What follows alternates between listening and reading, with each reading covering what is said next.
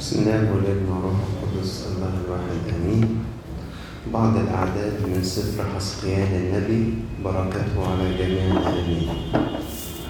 الأصحاح الأول وكان في السنة الثلاثين في الشهر الرابع في الخامس من الشهر وأنا بين المزليين عند نهر خبور أن السماوات انفتحت فرأيت رؤى الله. في الخامس من الشهر وهي السنة الخامسة من سبي يوياكين الملك. صار كلام الرب إلى حسقيال الكاهن ابن بوزي في أرض الكلدانيين عند نهر خبور وكانت عليه هناك يد الرب فنظرت وإذا بريح عاصفة جاءت من الشمال سحابة عظيمة ونار متواصلة وحولها لمعان. ومن وسطها كمنظر النحاس اللامع من وسط النار ومن وسطها شبه أربعة حيوانات وهذا منظرها لها شبه إنسان ولكل واحد أربعة أوجه ولكل واحد أربعة أجنحة وأرجلها أرجل قائمة وأقدام أرجلها كقدم رجل العجل وبارقة كمنظر النحاس المصقول. وأيدي إنسان تحت أجنحتها ووجوهها وأجنحتها بجوانبها الأربعة وأجنحتها متصلة الواحد بأخيه. أما شبه وجوهها فوجه إنسان ووجه أسد لليمين ووجه ثور ووجه نسر مجدا للثالوث القدوس امبارح آه الكنيسة احتفلت بتذكار الأربعة الكائنات أو الأربعة الأحياء غير المتجسدين. يعني تاني يوم عيد مارجرجس على طول عيد مارجرجس سبعة هطور تمانية هطور الكنيسة احتفلت بعيد الأربعة الأحياء غير المتجسدين. وليهم مكانين بارزين قوي في الكتاب المقدس.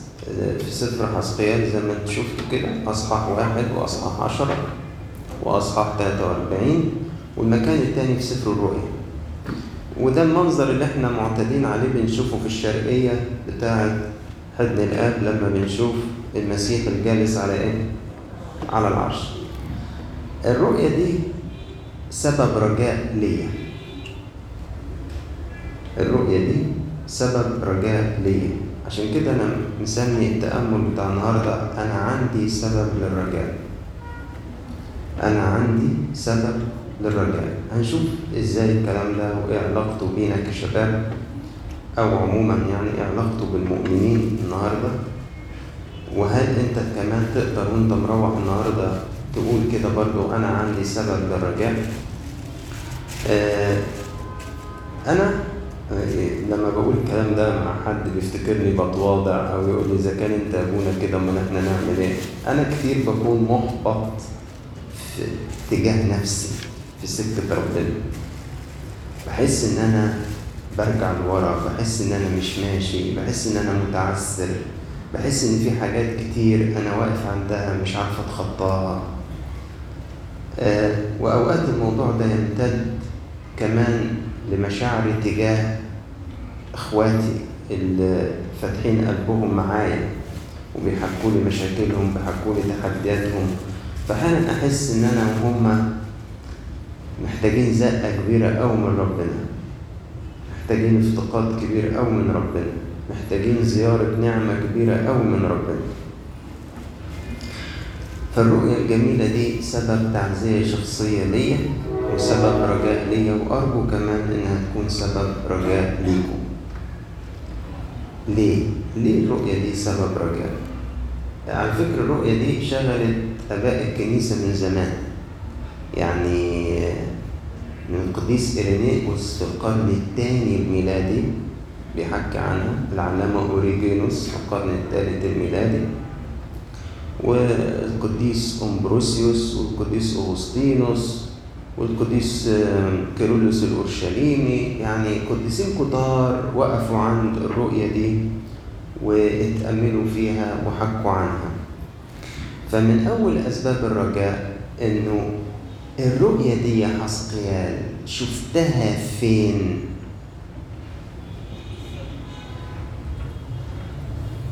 وشفتها إمتى؟ الأسئلة دي مهمة دي رؤية طبعا رائعة جدا من أروع الرؤى اللي في الكتاب المقدس حد يعرف إشعيا شاف الرؤية بتاعته فين؟ في الهيكل فين؟ في أورشليم صح؟ في أشعيا ستة رأى السيد جالسا على كرسي عال ومرتفع وأزياله تملأ الهيكل والشيروبيم واقفين أمامه لكل ستة أجنحة وقدوس قدوس حسقيال شاف رؤيته فين؟ في السبي. مش في أورشليم ومش في الهيكل لأنه أورشليم كانت خربت والهيكل قد أحرق والشعب حمل إلى أرض السبي عقاب على خطاياه. هناك في السبي ممكن تشوف حاجة؟ ممكن تشوف رؤى؟ حسقيال شاف الرؤية بتاعته في السبي وقال وأنا كنت بين المزبيين كان في بابل عند نهر خبور بيحدد المكان وبيقول لك كمان في السنة الثلاثين بعض المفسرين بيقولوا ده كان عمره ساعتها. واخدين بالكم؟ شفتها في السبي. آه. مش في مش في وقت ربنا فرحان بالشعب لا في وقت الشعب كان بالبلدي كده مغضوب عليه من ربنا. كان في أرض السبي بيدفع ثمن خطاياه بيتعاقب على خطاياه وارتداده وبعده عن ربنا ورفضه إن يسمع لصوت الله. كل ده كان وضع الشعب. ومش في أورشليم ده في بابل في أرض السبي عند نبوخذ نصر. هو ده الوقت. اللي حسقيان شاف السماء اتفتحت. هو ده المكان. اللي حسقيان شاف فيه السماء اتفتحت. يا يا رب انت الشعب ده بعته ليه بابل؟ بعته بيتأدب في بابل. طب وفي تأديبه ممكن يشوف تعزيات؟ في تأديبه ممكن يشوف تعزيات؟ آه يشوف تعزيات. وفي تأديبه يا رب ممكن تزوره ممكن تروح له وهو في السبي تروح له انت بنفسك. قال آه أنا أروح له كمان هناك. لأنه تأديبات الله عمرها ما كانت علامة كراهية من الله ابدا. تأديبات الله وإن كان حاجة بسبب خطيتي أنا الشخصية أو خطية ناس حواليا. ليهم علاقة بيا فأنا شايل معاهم تأديبهم. على فكرة حسقيال ما كانش يستاهل السبي مش صح؟ ده كان راجل أمين لله. حسقيال كان يستاهل؟ دانيال كان يستاهل يروح السبي الفتية الثلاثة كانوا يستاهلوا يروحوا السبي ما كانوش يستاهلوا. ولا حسقيال ولا دانيال ولا الثلاث فتية ولا أرميا وكل دول حملوا بعيدا. بس اشتركوا مع الشعب. في معاناة مع إن هم ما لهمش ذنب فيها. بس كانوا سبب تعزية لهذا الشعب الواقع تحت التأديب. وكأن الله المعتني بكل أحد وهو باعت الشعب يتأدب في بابل بسبب خطاياه مرضيش يحرموا من تعزيات فبعت وسطيهم قديسين. عشان الله من خلال القديسين دول يقول للشعب أنا معاكم وكمان لأنه هيكشف رؤى وهيزور القديسين دول وهم هينقلوا للشعب. ربنا بيقول لهم إيه وشايفين إيه ورسالة ربنا لهم إيه فالشعب يتعزى يحس حتى وإن كان غلط وإن كان غلط كتير قوي وإن كان ربنا قال له أنت هتدفع تمن غلطك كله ده بس ربنا مش راضي يسيبه. بيروح وراه مكان تأديبه بيزوره في مكان السبي وباعت معاه قديسين عشان يكونوا سند ليه وسط ضيقته عشان يشددوه ويرجعوا قلبه لربنا تاني. عشان كده بقول لكم الرؤية دي سبب رجاء. فكرتني الرؤية دي بآية جميلة جدا جت في سفر أرميا. في أصحاح 51 آية خمسة. يقول كده لأن إسرائيل ويهوذا ليس بمقطوعين عن إلههما عن رب الجنود وإن تكن أرضهما ملآنة إثما على قدوس إسرائيل. اسمعوا الآية دي تاني كده. لأن إسرائيل ويهوذا ليس بمقطوعين عن إلههما عن رب الجنود وإن تكن أرضهما ملآنة إثما على قدوس إسرائيل. إيه معناها الآية دي؟ مش ساعات كده الواحد بالبلد يقول لك أنا حاسس إن أنا اتقطعت. اتقطعت يعني ماليش حد. يعني بعد الشر كده لو حد مش عارف مين اتوفى له بعد كام شهر مين تاني اتوفى له مش تلاقي إيه الست أو الراجل لك أنا اتقطعت ما عنديش حد. الرب بيقول عن شعبه اوعوا تفتكروا إسرائيل ويهوذا عمرهم ما يتقطعوا عني. عمرهم ما يتقطعوا عن الرب إلههم ابدا. عمرهم ابدا ابدا ابدا ما يتسابوا كده. لحد فين يا رب؟ قال حتى لو كانت أرضهم ملآنة اثما ضدي. تخيل ربنا بيقول للنفس مننا اوعي تفتكر إن انت مقطوعة عني. حتى لو انت شخصيا مليانة شر ضدي أنا. برضه عمرك ما تتقطعي عني. وده اللي تبكى حصل إنه والشعب في السبيل. والشعب بيدفع ثمن غربته عن الله وثمن عبادته لآلهة مزيفة وثمن إنه دخل آلهة وثنية مكان الهيكل وبيقدم لها عبادات جوه الهيكل. في تحدي سافر لربنا واسم موجه ضد ربنا. لما راح السبيل الله لم يحرمه من الرفقة الإلهية ومن التعزية. المركبة الشارو بمية حاملة عرش الله تروح بابل و... والسماوات تتفتح مش في أورشليم في بابل ورؤى الله تتشاف مش في الهيكل ومش في أورشليم في أرض السبي في بابل عشان حسقيال يتعزى ويتشدد. وينقل هذا العزاء للمسبيين. ما أجمل إن تتأكد أنت وأنا ان إحنا مش مقطوعين عن ربنا. مهما كانت أرض السبي اللي أنا وأنت فيها. أرض السبي دي على فكرة ممكن تكون سجن. سجن كده من من مشاعر سلبية نفسية بتحصرك. ده ممكن تكون أرض السبي بتاعتك. مشاعر صغر نفس شديدة كآبة شديدة أحزان شديدة. دي ارض سبي سجن ممكن تكون خطايا فعلا. ارض السبي بتاعت واحد مننا مثلا علاقات شريرة جدا سيرة رديئة جدا. هل المسيح ممكن يزور نفس قاعدة في الحتة دي؟ آه يزورها. وهو هناك في الحتة دي؟ مش مقطوع عني برضه.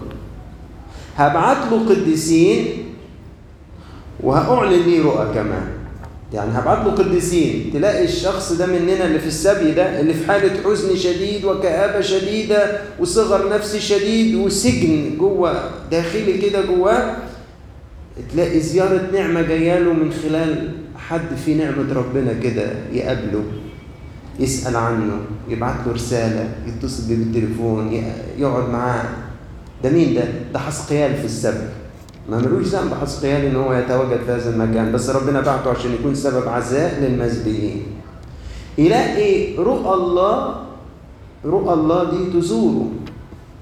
يلاقي السماء تتفتح له وهو في السبي. بعد ما أنا وأنت نغلط كتير ويجي وقت نحصد اخطائنا ونبقى فاهمين إن إحنا بندفع ثمن غلطاتنا نلاقي ربنا برضو وسط ما إحنا بندفع ثمن غلطاتنا برضو بيزورنا. برضو بيجي لنا في الوقت ده. برضو بيبعت لنا حسقيال ايا كان اسمه وشكله وجنسه.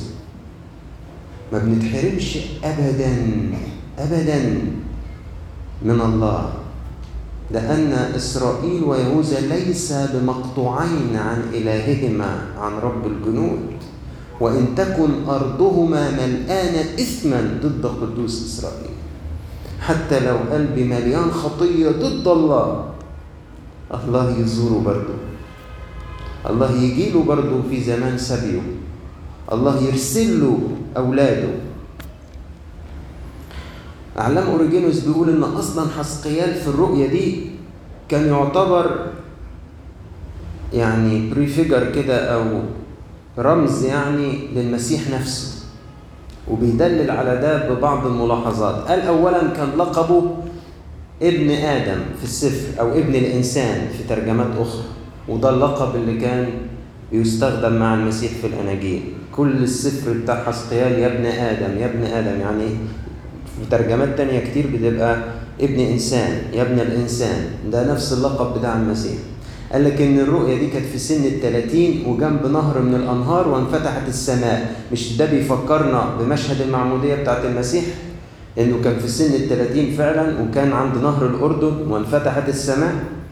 فقال لك المشهد البدائي ده بتاع السفر بيطابق المشهد بتاع معمودية المسيح. وكان في الشهر الرابع اللي هو في السنة اليهودية يعتبر مقابل ليناير عندنا اللي إحنا بنحتفل أصلا فيه بعيد الغطاس. فالعلامة أوريجينوس بي بي بيقارن الملابسات دي فبيقول لك بص حسقيال نفسه تقدر تعتبره نموذج للمسيح. وكأن المسيح بنفسه بيزورني في سبيه بيزورني بشخصه بيزورني برجاله من من أتقياء سواء كان رجل أو امرأة. بيزورني زيارات نعمة في أرض السبي بتاعتي طب إيه الرؤية؟ إيه الرؤية دي؟ الرؤية دي تفاصيلها كتير بس عشان ما ندوش في التفاصيل إنه شاف هو المركبة الحاملة لمجد الله دي طبعا حاجة فائقة جدا فشاف إن المركبة دي عبارة عن كائنات سماوية هم دول على فكرة الأربعة الأحياء غير المتجسدين اللي الكنيسة احتفلت بتذكارهم امبارح. آه واخدين أرجل العرش الأربعة وكل كائن منهم ليه أربعة وجوه. وجه إنسان ووجه ثور ووجه أسد ووجه نسر. وكل كائن ملوش ظهر كله أوجه. وأجنحة من كل النواحي بتاعته. والأوجه والأجنحة كلها عيون. كلها. وبيقول لك إنه شاف كده نحاس بيلمع قوي قوي قوي قوي وحواليه نار. والآباء بيقولوا ده إشارة لسر التجسد بتاع الكلمة زي فكرة الفحم. والنار اللي ماسكة فيه العنصرين اللي اتحدوا ببعض وبدون امتزاج ولا اختلاط ولا تغيير. زي كده العليقة المشتعلة فيها نار وهي نبات مش بتتحرق. فهو شاف نحاس وفي نار حواليه ومميز النحاس ومميز النار لكنه شخص واحد. هو ده شخص المسيح جالس على العرش بتاعه. اللي شايل مجده الأربعة الأحياء غير المتجسدين دول يخصونا في إيه طيب؟ وهل ممكن هما كمان يكونوا بيحملوا لينا سبب رجاء؟ آه القديسين اللي بيتأملوا في الرؤية دي قالوا إن هما يخصونا جدا. ليه؟ اتأملوا هما إن الأربع أوجه دول هما أربع ملامح لعمل الله الكامل. يعني أنا هقرأ الفقرات من الكتاب بس يعني هشرحها عاميا الأول كده. يعني قالوا مثلا إنه ابن الإنسان ده أو وجه الإنسان ده بيشير للتجسد بتاع الرب. ال ال الثور ده بيشير لعمله الذبائحي إنه ذبح نفسه عن خطايانا ولأجل خلاص نفوسنا. والأسد ده لأنه قام من الأموات كجبار وانتصر على الموت. والنسر ده لأنه صعد إلى السماوات. ف... فبيقول لك إنه الأربع أوجه دول بيشيروا لملامح عمل الرب من أجلنا. حلو. وعشان كده اعتبروهم إشارات للأناجيل الأربعة ودايما تلاقوهم في قباب الكنايس وفوق بنعمة ربنا في الدور الثالث لما يتشطب هتشوفوهم في الأربع أركان بتوع القبة آه وجه الإنسان وجه الثور ووجه الأسد ووجه النسر جنب كل واحد من البشرين. وانتوا عارفين قصة إنه أباء الكنيسة من زمان بصوا لكل إنجيل من الأربعة إنه بيقدم زاوية من الزوايا دي كلها. وإن اختلف الآباء شوية في ربط كل وجه بإنجيل إيه يعني. لكن الشائع إن النسر ده إنجيل يوحنا عشان كان يعني بيتكلم بقى عن البدء ال- الذي لا بدء له ده في البدء كان الكلمة بيحلق في الأعالي في السماويات. والثور ده إنجيل لوقا لأنه بيبدأ بتقديم الذبايح. والأسد ده إنجيل القديس مرقس و آه، الإنسان ده ده إنجيل متى؟ لأنه بيبدأ بسلسلة أنساب المسيح. والآباء بيختلفوا شوية في توصيف كل وجه يعني مع الأناجيل فممكن تلاقوا شروحات متعددة للنقطة دي. طب وده إيه علاقته؟ بينا. يقول لك الله وهم إيه اللي يخليهم يحملوا ملامح عمل الرب؟ يعني يعني ده شغل يخص ربنا الجالس على العرش. مالهم هم يحملوا الملامح دي؟ يحملوها ليه يعني؟ في في بلد في مثل بلدي كده ممكن يساعدكم في الوصول للإجابة بس أنتوا برضه لازم تشغلوا مخكم شوية. في مثل بلدي كده يقول لك اللي يجاور السعيد إيه فكر إيه علاقتها باللي أنا بقوله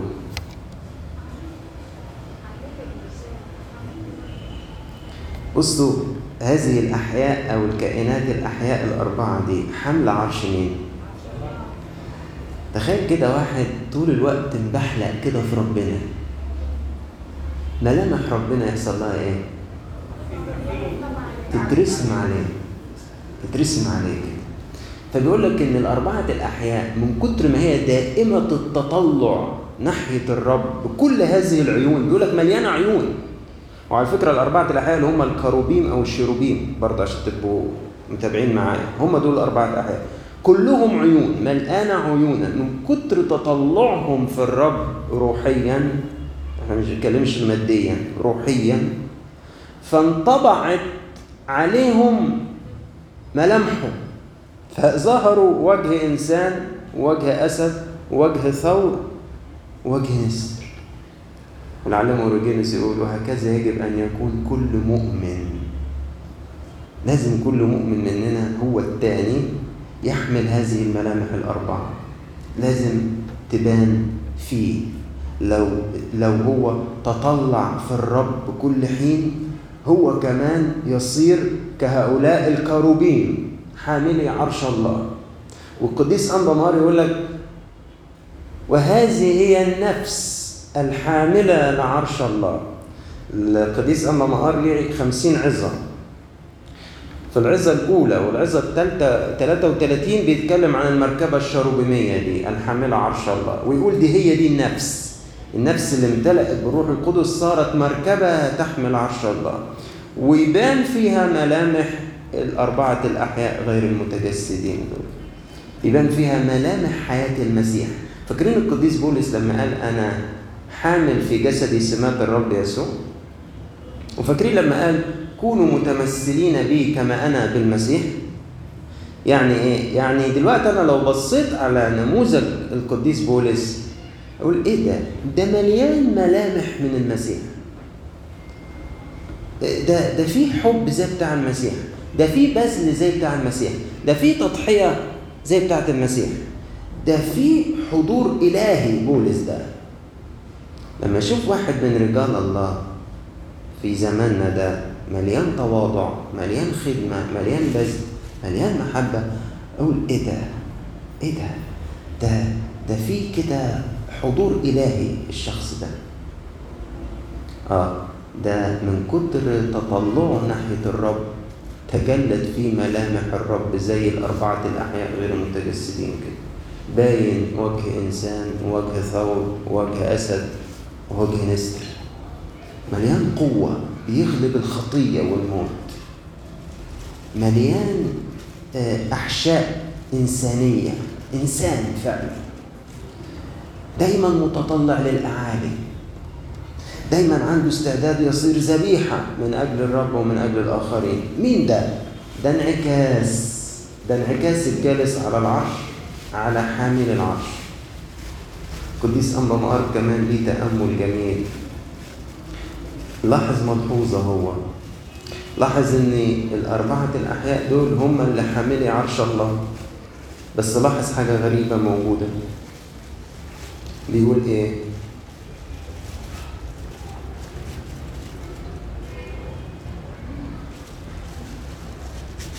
وأيدي إنسان تحت أجنحتها على جوانبها الأربعة. يعني الأربعة الأحياء حاملي عرش الله. كويس. هم اللي حاملي عرش الله؟ قال آه. بس في حاجة تحتيهم شايلاهم. أيدي إنسان تحتيهم شايلاهم. فالقديس أنبا يقول إيه النفس اللي هي عايزة تحمل الله في الأول الله يحملها. يشيلها هو شيل هي ما تقدرش لوحديها. ده هو يحط إيده تحتيها يرفعها فتقدر تقتبله كجالس على عرشها. فالمشهد اللي إحنا شايفينه ده ده مليان نعمة. المشهد اللي كشف لحسقيال ده مليان نعمة. يا رب أنا نفسي أنا نفسي دي تبقى عرش ليك. يقول لك ما تخافش أنا هحط إيدي تحتها أنا هرفعها أنا هسندها. فتنفع تصير عرش ليا. أيوه فعلا مين فينا إحنا يشيل مجد الله ده؟ مين فينا يقدر يشيل مجد الله ده؟ مين يقدر يكون مركبة لمجد الله؟ أتاري؟ إيد ربنا تحت كل كائن من هذه الكائنات الأربعة.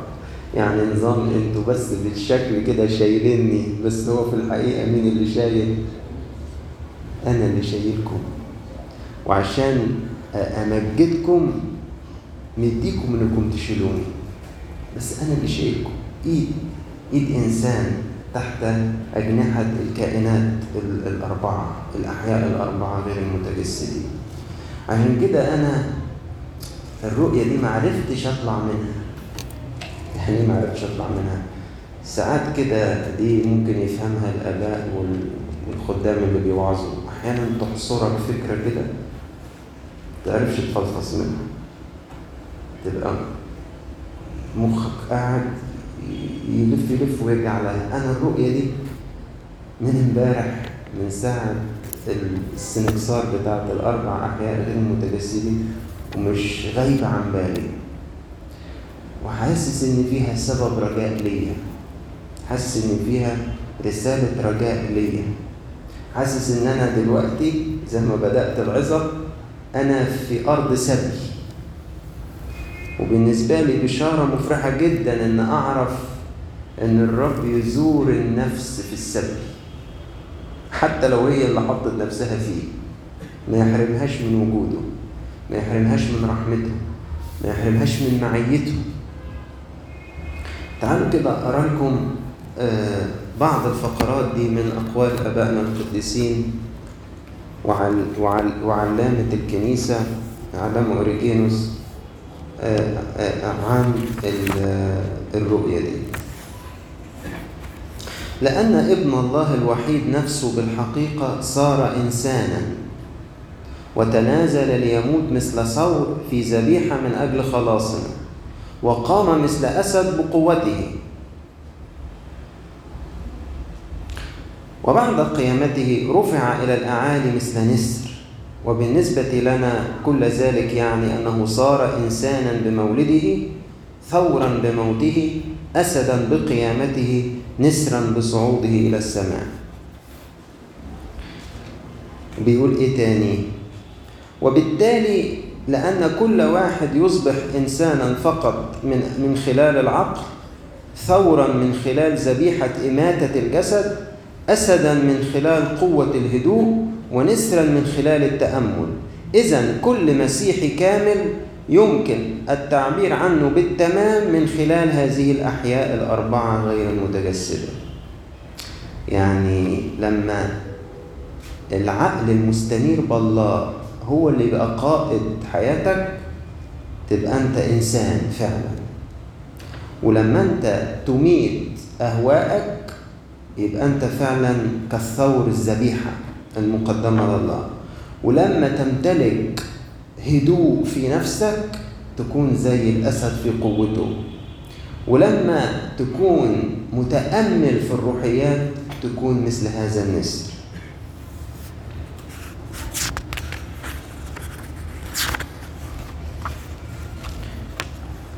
العلامة أوريجينوس بيقول إيه؟ الكلمات وأنا كنت بين المسبيين تبدو لي كأنه يتكلم بطريقة تهكمية. حتى أنا. كما لو أن النبي يقول في التاريخ حتى أنا الذي لم أشارك في خطية الشعب كنت وسط السبي.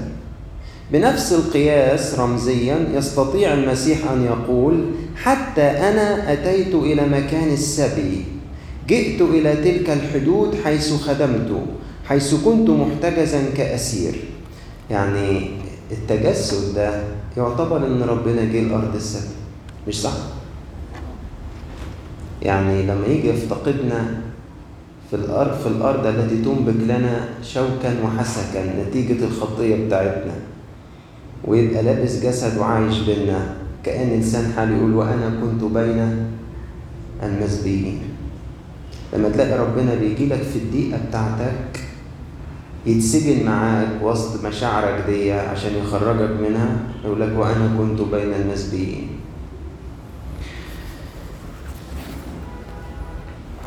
بيقول إيه تاني؟ العلامة أوريجينوس. بيقول النفس تسكن أورشليم في سلام لكن عندما تخطئ تغادرها زيارة الله. وتسلم النفس إلى نبوخذ نصر كأسيرة في بابل. لو أنها تابت يرسل عزرا ليعود بها إلى أورشليم ويبني المدينة من جديد. عالم أورجينوس بيبص على تاريخ إسرائيل ويشوف فيه نموذج لمسيرة النفس. بيقول من طول ما النفس دي آه عايشة مع ربنا فهي كأنها في أورشليم في سلام زي ما كانت في الأول شعب الله. طب لما بتغلط تغادرها زيارة النعمة. نفس المركبة الشروبيمية دي يا جماعة بيشوفها حسقيال في أصحاح عشرة بتغادر الهيكل في أورشليم. كان في مشهد مؤلم جدا إن مجد الله غادر الهيكل. يقول لك تغادرها زيارة النعمة طب ولو تابت؟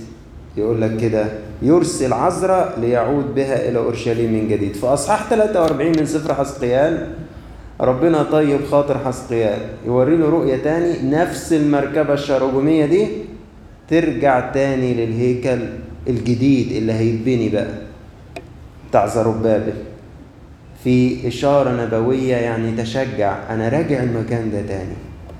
عشان كده أنا بقول عندي سبب للرجاء.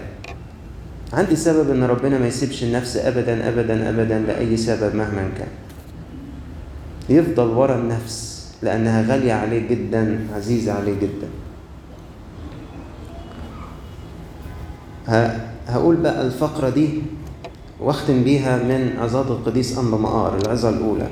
هكذا النفس التي استنارت إلى التمام بالبهاء الفائق الوصف الذي لمجد نور وجه المسيح والتي اشتركت بالكلية مع الروح القدس. تكون أهلا لأن تصير منزلا لله وعرشا له. وتصبح كلها عينا وكلها نورا وكلها وجها وكلها مجدا وكلها روحا. قديس أنبا مار كان مأخوذ جدا بالهيئة بتاعت الأربعة أحياء غير متجسدين إن إيه؟ كلهم نور كلهم وجوه مفيش ظهر. كله من كل النواحي أوجه كلهم أعين كلهم روح. فبيقول النفس دي اللي, من خلال شركتها في الروح واستنارتها بالمسيح تصير عرشا لله تبقى كلها نور كلها عيون كلها وجوه كلها روح كلها مجد. وهكذا فإن المسيح الذي يحملها ويقودها يسندها. كان قد سبق وأعدها لتكون هكذا. هو أيضا بنفس الطريقة يعد النفس ويزينها بجمال روحاني لأنه يقول كانت يد إنسان تحت الشيروبين إحنا عايز يقول المسيح هو اللي مجهز النفس عشان تبقى كده. لأن الرؤية بتقول إن كان في يد إنسان تحت الشيروبين فإن ذاك الذي هو المسيح هو الذي يكون مسنودا في النفس وهو يسندها في الطريق. يعني زي ما يكون محمول هو بالنفس وفي نفس الوقت هو اللي حامل النفس دي. ويعلق الكاتب ويقول واحدة من مفارقات الحياة الروحية المسيحية أن النفس التي تطلب أن تحمل المسيح على عرشها تختبر بنفسها أن تكون محمولة بواسطته يعني النفس اللي مننا دي اشتهت إن هي تحمل المسيح بتختبر أساسا في الأول إنه بيكون هو اللي شايلها وهو اللي بيحملها. عشان كده أنا يعني شفت قد إيه إنه آه الرؤية بتاعت حسقيال دي بتخلي عندي أنا سبب للرجاء في مسيرتي مع ربنا وفي معاملاتي مع النفوس اللي بتشاركني بأعماقها. بجد إنه مازال عندي سبب للرجاء. وأرجو كمان إن أنتوا يكون عندكم سبب للرجاء وسط كل الصعوبات اللي تقابلنا في المسيرة الروحية ولإلهنا كل مجد وكرامة إلى الأبد. آمين.